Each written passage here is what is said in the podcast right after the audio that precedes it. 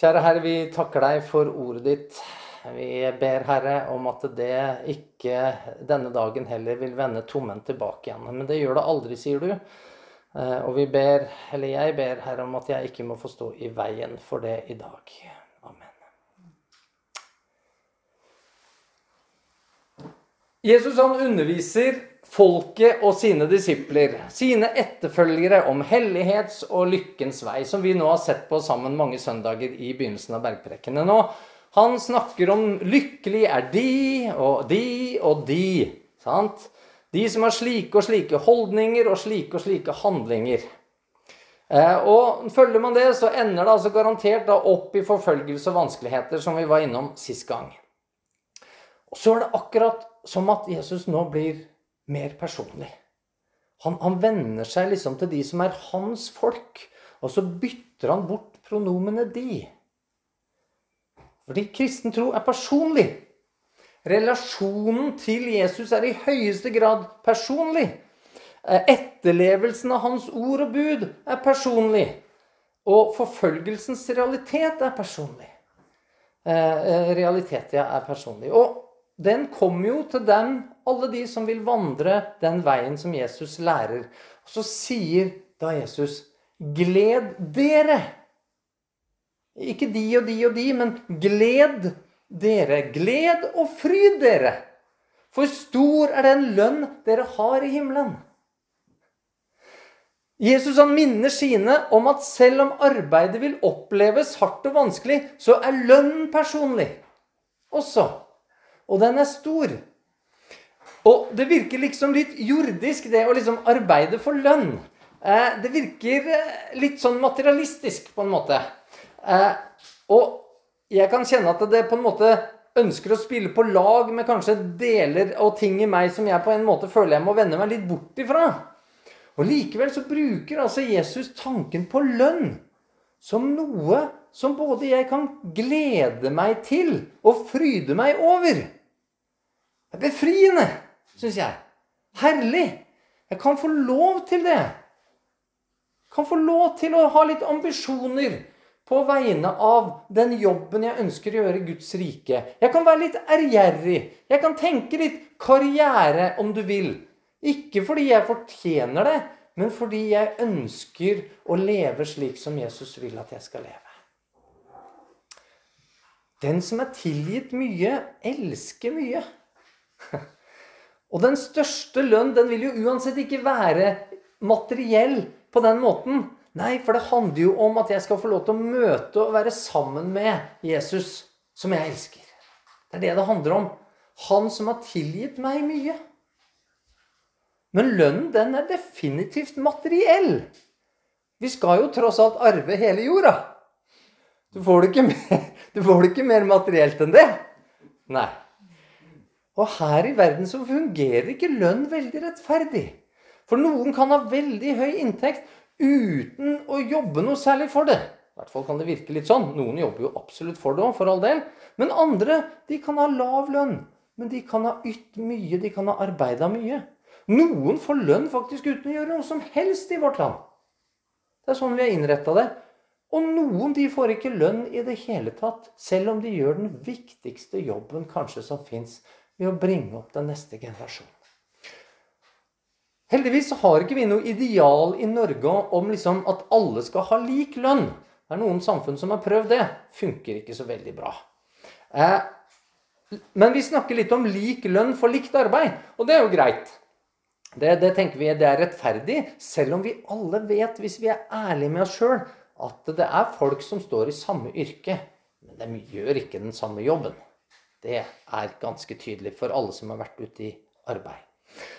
Men vi har likevel et prinsipp for lønn som vi, vi prøver å følge i, i, landet vårt. Det er gjerne at de som har mye utdannelse og kostnad forbundet med det, skal få tilbake igjen for det. Og så er det én ting til, og det er at de som sitter med mye ansvar, de skal tjene litt mer enn de som ikke har ansvar. Og for alle som har sittet i jobber som har veldig mye ansvar forbundet med seg, de vet at det er slitsomt. Det er slitsomt bare rett og slett i seg selv, og det er også mer risikofylt og, og ja, som sagt mer slitsomt. Og i dag så vender Jesus seg til deg som ønsker å gå på hans vei. Og til deg som har begynt å gå på veien, til deg, til deg som kanskje har gått på denne veien kanskje hele ditt liv. Og så blir han personlig når han kommer med sin arbeidsbeskrivelse til deg. Og så sier han, 'Dere er jordens salt. Dere er verdens lys.' Jo da, dette har du kanskje hørt før. Ja, til og med ofte kan det hende at du har hørt om dette her. Men har du egentlig tenkt over hva han egentlig konkluderer med over deg som ønsker å gå på hellighets- og lykkens vei? Skjønner du hvorfor lønnen er stor? For Gud, han gir lønn som står i forhold til det ansvar som du får. Egentlig akkurat på samme måte som vi tenker om lønn her i Norge. Og dette ansvaret, det er til å få bakoversveis av. Du skal bevare jorden. Du skal fylle den med mening. Du skal undervise verden slik at lys kan komme til så mange som mulig, slik at de skjønner hva som er sant, og hva som er løgn. Wow! Har du virkelig tenkt gjennom hvilket ansvar denne jobbeskrivelsen egentlig innebærer?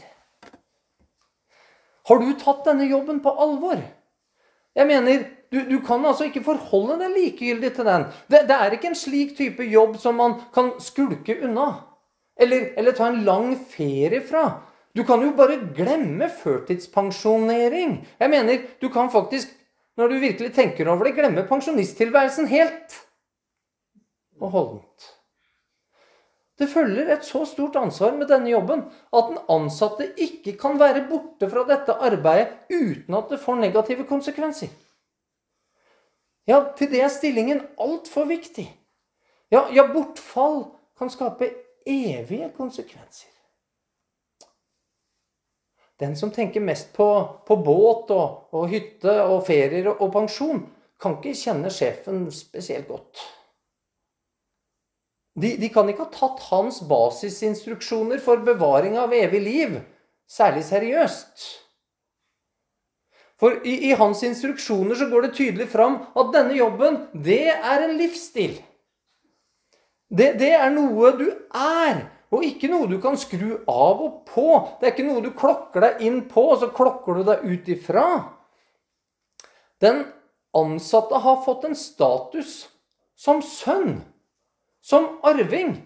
Eh, og han skal få alt det som hører eieren til. Og, og lønnen er jo altså enorm. Men den innebærer samtidig en stilling som er på mange måter lik den som jeg har som ektemann og pappa. Jeg er det hele tida. Om jeg føler for det eller ikke føler for det, om jeg har en god eller dårlig dag Det spiller ingen rolle. Om jeg er syk eller frisk, ung eller gammel. Samme det. Om du kommer inn i arbeidet tidlig, eller i dette arbeidet sent i livet, er ansvaret akkurat det samme. Gud ga arbeid til mennesker tidligere tider også. Og de fikk i oppgave å arbeide med noe de selv ikke eide. Eh, og det er derfor vi har det som kalles privat eiendomsrett. For når vi eier det sjøl, så er vi gjerne litt mer ærgjerrig.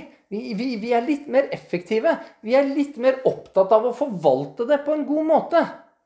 Men slik er det altså ikke her.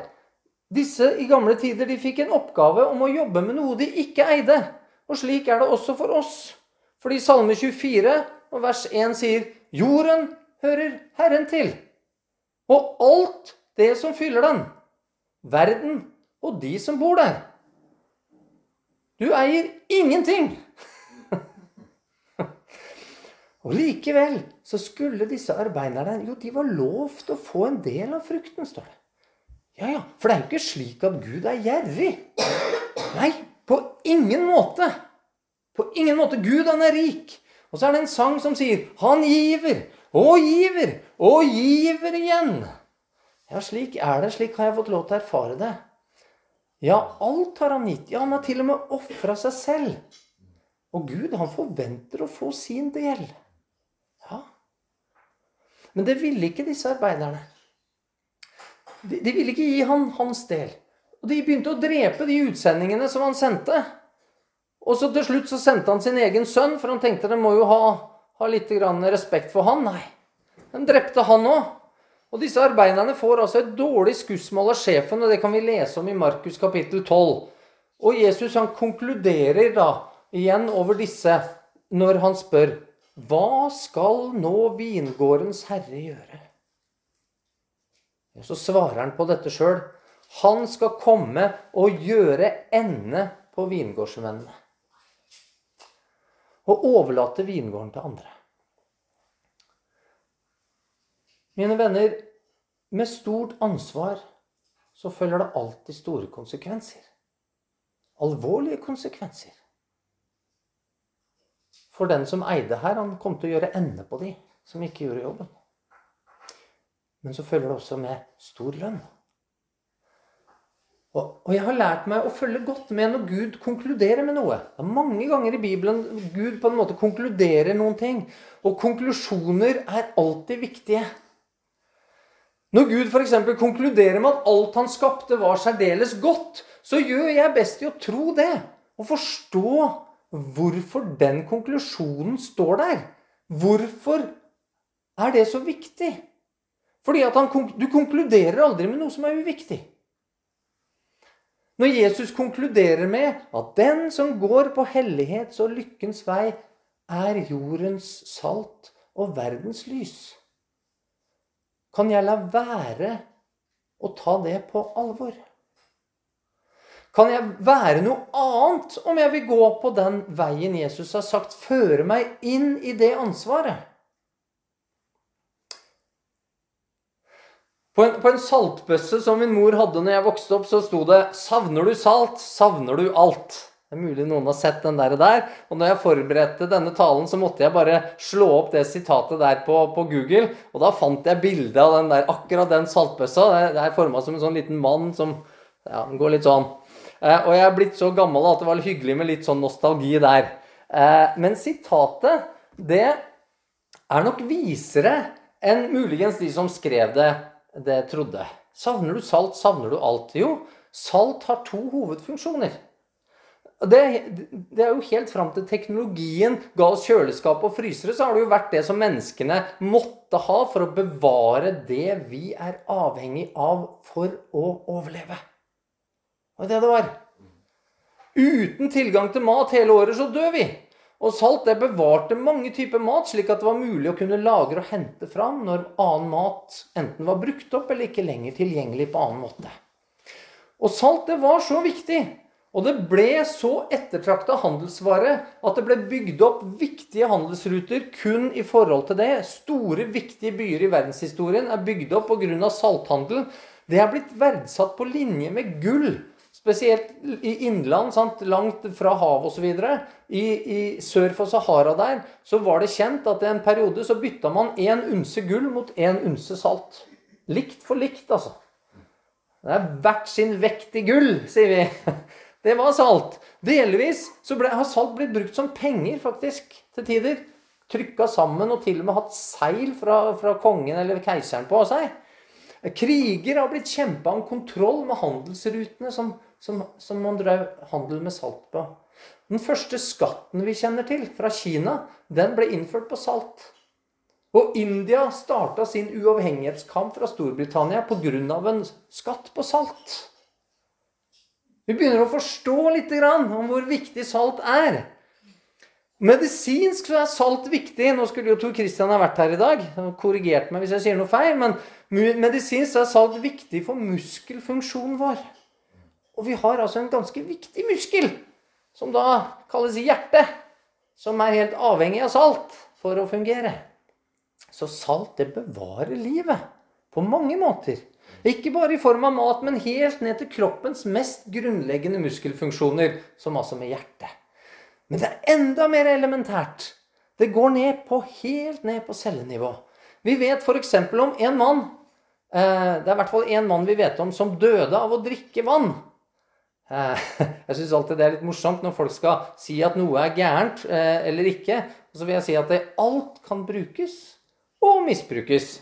Eh, sånn at det å sette noe med at det er gærent og det er rett, er ikke alltid så enkelt. Men han drakk så mye vann på så kort tid at saltnivået i kroppen hans ble så lavt at cellene hans begynte å lekke vann. Så han drukna fra innsida. Ja, så Lungene ble fylt opp av vann. Så salt er også svært viktig. Og selv om vi i dag gjerne tar dette helt som en selvfølge Men på Jesu tid så var det ikke slik. De forsto at dette bildet som Jesus bruker om hvem de skulle være, ekstremt viktig. Og for oss som har begynt å forstå saltets betydning for vår egen overlevelse, helt ned på cellenivå, så burde det ikke være noe mindre sterkt bilde for oss heller, selv om vi kan springe på enhver butikk og, og kjøpe det for en billig penge. Men saltet har ikke bare en livsbevarende funksjon. Det har også en livsberikende funksjon. Verdens mest kunnskapsrike mann, en mann som fikk prøve visdom, berømmelse, rikdom, makt og sex så mye han overhodet ville. Han kunne nærmest velte seg i det alt sammen. Og han konkluderer med at alt er bare tomhet. Tomhet og tomhet og atter tomhet. Men flere ganger så ender han opp med å si noe à la dette her, som vi finner i Forkynneren kapittel 8, vers 15. Mennesket har ikke noe annet godt under solen enn å ete og drikke og være glad. Ja, dette følger ham under hans strev i de levedager som Gud har gitt ham under solen. Den eneste sanne glede som Salomo fikk erfare av livet i forhold til jordiske ting, da, det handla om mat og drikke. Mat og drikke. Og da er det kanskje ikke så rart at Paulus han skriver til Timoteus, som han har en voldsom omsorg for, så skriver han i 1. Timoteus kapittel 6 vers 8.: Har vi mat og klær, skal vi la oss nøye med det. Er kanskje ikke så enkelt å si i Norge når vinteren kommer på og sånn. Vi syns det er litt ok å ha noe over huet òg. En ovn å varme oss på og sånn. Eh, det var kanskje litt enklere å overleve, selv om det blir kaldt nede der òg, eh, på, på mindre enn det vi har her. Men det er det han skriver til, til Timoteus. Og dersom mat er en av de eneste sanne gleder for et menneske, så skjønner vi at salt er livsberikende. For rett mengde salt gjør at alle smakene kommer fram i mat. Det gir maten mening, om du vil, utover bare det å gi oss liv. Og det gjør at vi kan glede oss i det som gir oss liv. Det er få ting som kan gjøre meg like glad som god mat. Det er ekte glede, i hvert fall for meg. Dere er jordens salt. Du skal være det eneste på jorden som gir mennesker liv. Ja, ikke bare det. Du skal være en som gjør at livet finner mening. Og at man kan glede seg i det som gir livet mening. Være en som gjør at andre kan kjenne smaken av livet på ekte.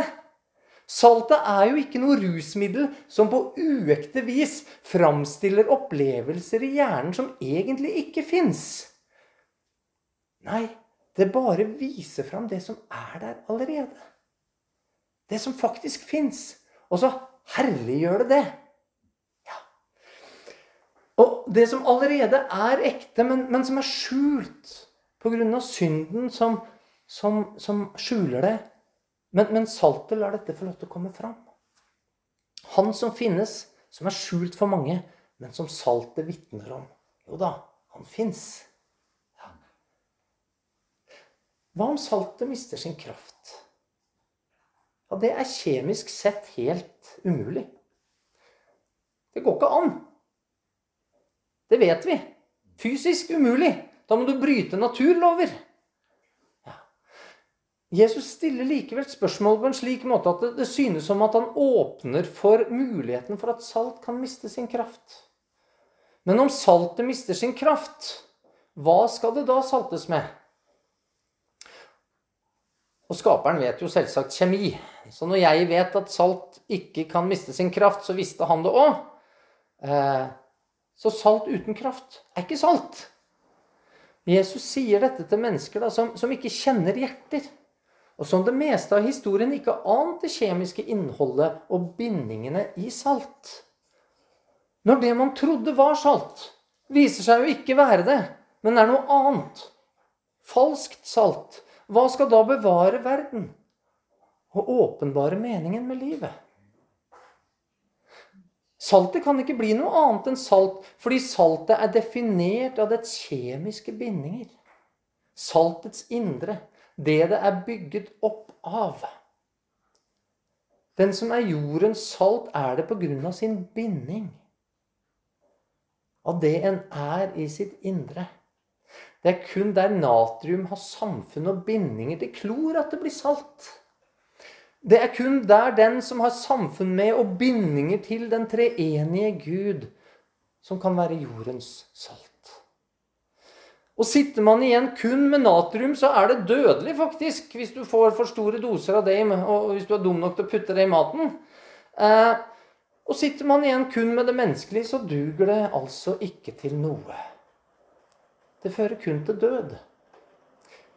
Og da er det falsk kristendom. Falske kristne, falsk religion, falske titler og ritualer. I, I, det sørlige Israel, i området rundt Dødehavet, så finnes det salt som har bindinger til andre stoffer. Og, og i hovedsak så er det bindinger til gips. Det vi kaller gips på godt norsk. Og dette her, det kunne ligne på salt. Men det fungerte jo ikke, for det var ikke rent. Eh, og fordi det hadde bundet seg til andre ting, som utgjorde hoveddelen, som ble den viktigste del av substansen, så fungerte det ikke. Og Hadde du fått den type salt, så, så ville det ikke duge til annet enn å kaste det ut på, på, stien, i hvert fall. For å kanskje hindre at skulle, stien skulle vokse igjen og, og sånn. Eh, og da ble den tråkka ned av mennesker.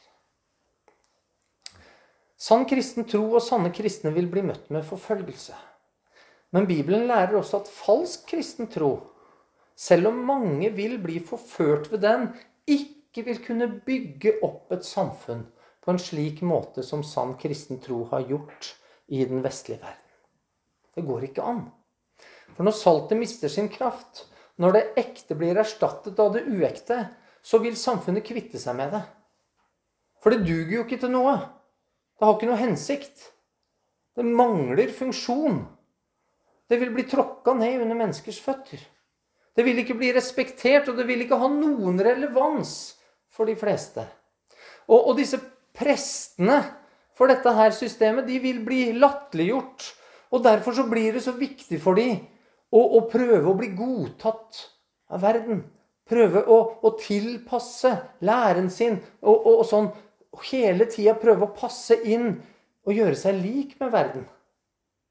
Men det gjør dem jo bare enda mer latterlige og irrelevante for verden. Så de blir kasta ut. De blir kasta ut. Men hvem er det som kaster ut dersom dette saltet er et bilde på mennesker? Jo, mennesker forkaster det, kan du godt si. Men det er selvsagt Gud som kaster dem ut. Det gjorde han også med de vingårdsmennene som ikke gjorde jobben sin. De ble jo kasta ut av vingården. De ble gjort ende på. Og så ble jobben overlatt til de som er ekte, og gjør jobben skikkelig. Dere er jordens salt. Og det er selve jorden som er arven arbeiderne får. Slik går det altså en rød tråd helt tilbake igjen til Adam, som blir gitt jorden i eie for at han skal arbeide med den, og stelle den, ta vare på den. Men han feiler. Og så var det noen tidligere arbeidere, de feila de òg. Og så kommer Gud selv. Så begynner Gud å arbeide. Og så er det Gud som gjør jobben, og så er det Gud som tar jorden i eie. Og så begynner han å gi det til sine arbeidere. Og så sier han, 'Nå må dere arbeide her i min vingård til jeg kommer tilbake.' Da skal jeg kreve min del. Ja da. Men jeg skal gi dere lønn. Og den lønna er hele jorda.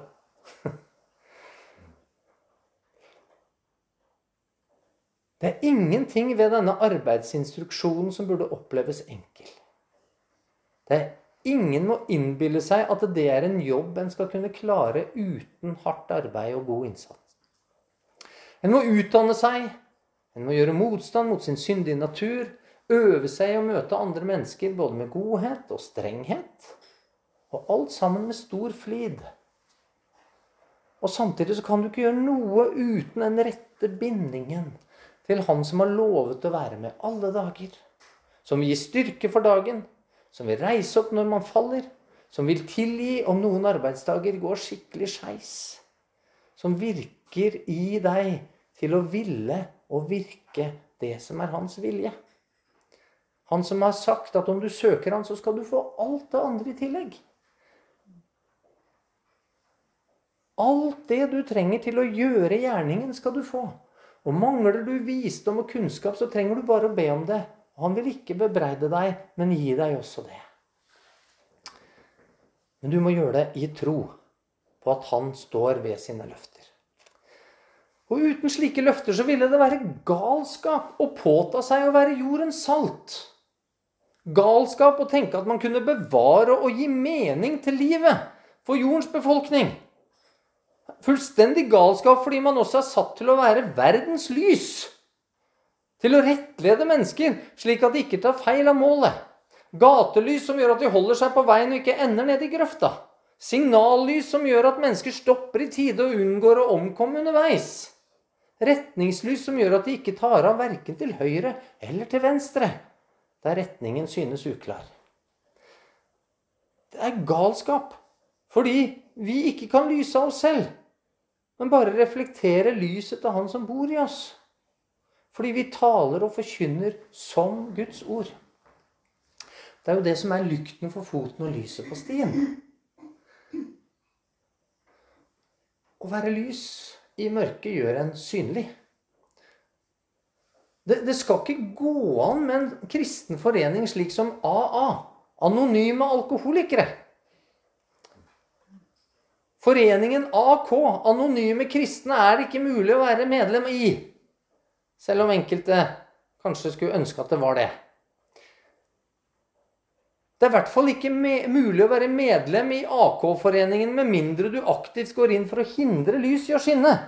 Aktivt forsøker å hindre mennesker i å se Jesus. Men er du kristen da?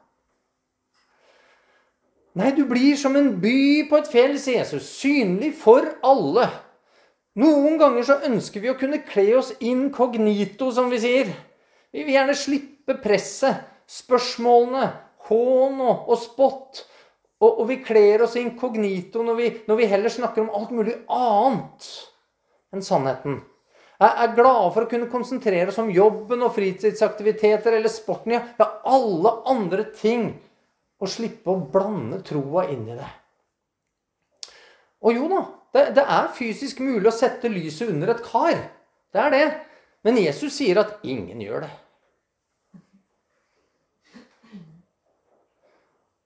Selvsagt ikke. Det gir jo ingen mening.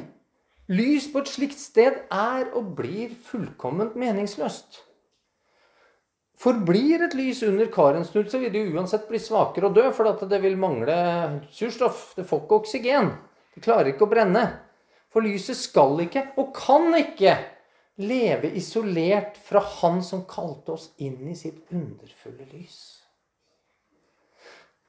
Den som gjemmer seg under et kar, avslører jo egentlig at vedkommende trives best i mørket. Ja, helst vil leve der. Eh, og det vil en fordi man egentlig mistrives i lyset. Fordi ens gjerninger ikke tåler dagens lys. Eller ens tanker, ens indre.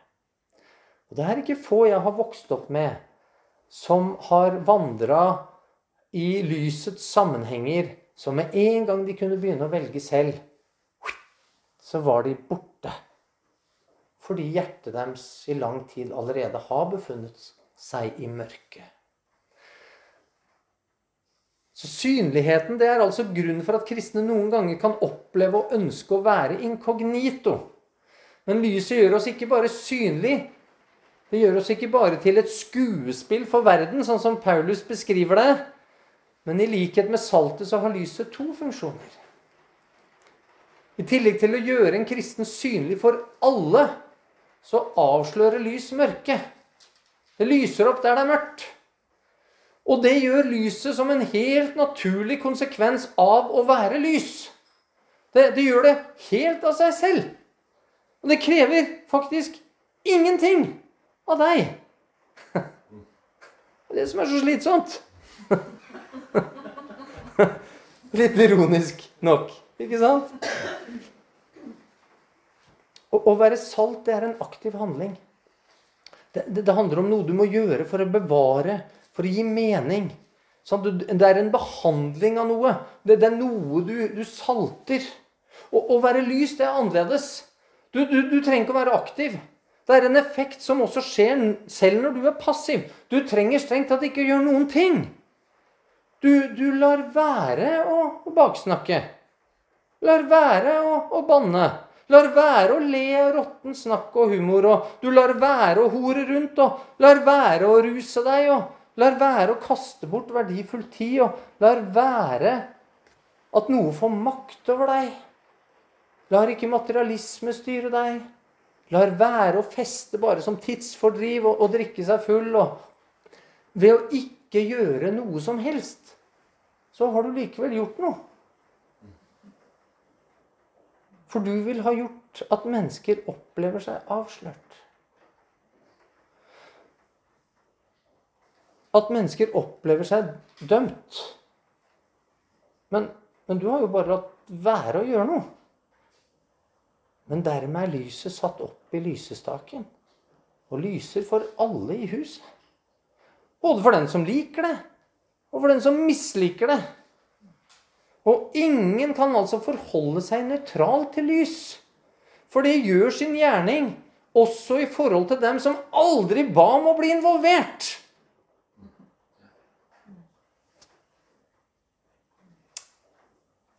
For det er nok at dere i den tiden som har gått, har gjort hedningenes vilje ved å ferdes i skamløshet, lyster, drukkenskap, festing, drikkelag og i skammelig avgudsdyrkelse. Nå undrer de seg over at dere ikke løper med dem ut i den samme strøm av utskeielser. Og derfor spotter de dere. Bare ved å la være å gjøre noe. Dere er verdens lys. Forvent at alle som ikke lyser, vil gjøre det de kan for å dempe eller slukke det lyset du representerer. Selv når du opplever å la være å gjøre noe, så skinner lyset, slik at menneskene ser det gode i det. Og hvor mye mer når du faktisk gjør de gjerningene som saligprisningene vitner om at en kristen skal gjøre. Jordens salt, verdens lys. Aldri har vel noen kommet mindre skikka til noe jobbintervju. Det er tidenes stillingsbeskrivelse, mine venner. Det er tidenes mest ansvarsfulle oppgave. Og tidenes nei, evighetens største lønn. Alt for at mennesker skal prise vår Far i himmelen. Kjære Herre, vi takker deg for ordet ditt. Og Herre, vi vi kan egentlig ikke forstå hvorfor du har gitt oss en slik oppgave. For vi føler oss ikke beredt til å gå inn i den. Vi føler oss ikke kvalifisert. Vi har for mange dårlige dager. Vi faller for ofte. Vi kan ikke nok, og vi gjør ikke nok. Og vi kan kjenne at vi blir motløse bare av å tenke tanken. Og derfor, Herre, så ber vi deg om at vi får lov til å holde blikket vårt festa på deg. For det er du som har lovt å gjøre det. Og vi skal få lov til å gå i ferdiglagte gjerninger. Vi skal få lov til å stole på løftene og vite at du har allerede vunnet, og at ting er slik sett ikke noe som kommer av oss, men det kommer av en lydighet og en villighet til å gjøre etter ditt ord og lyde dine bud. Herre, må du gi oss nåde til det i denne tid. Amen.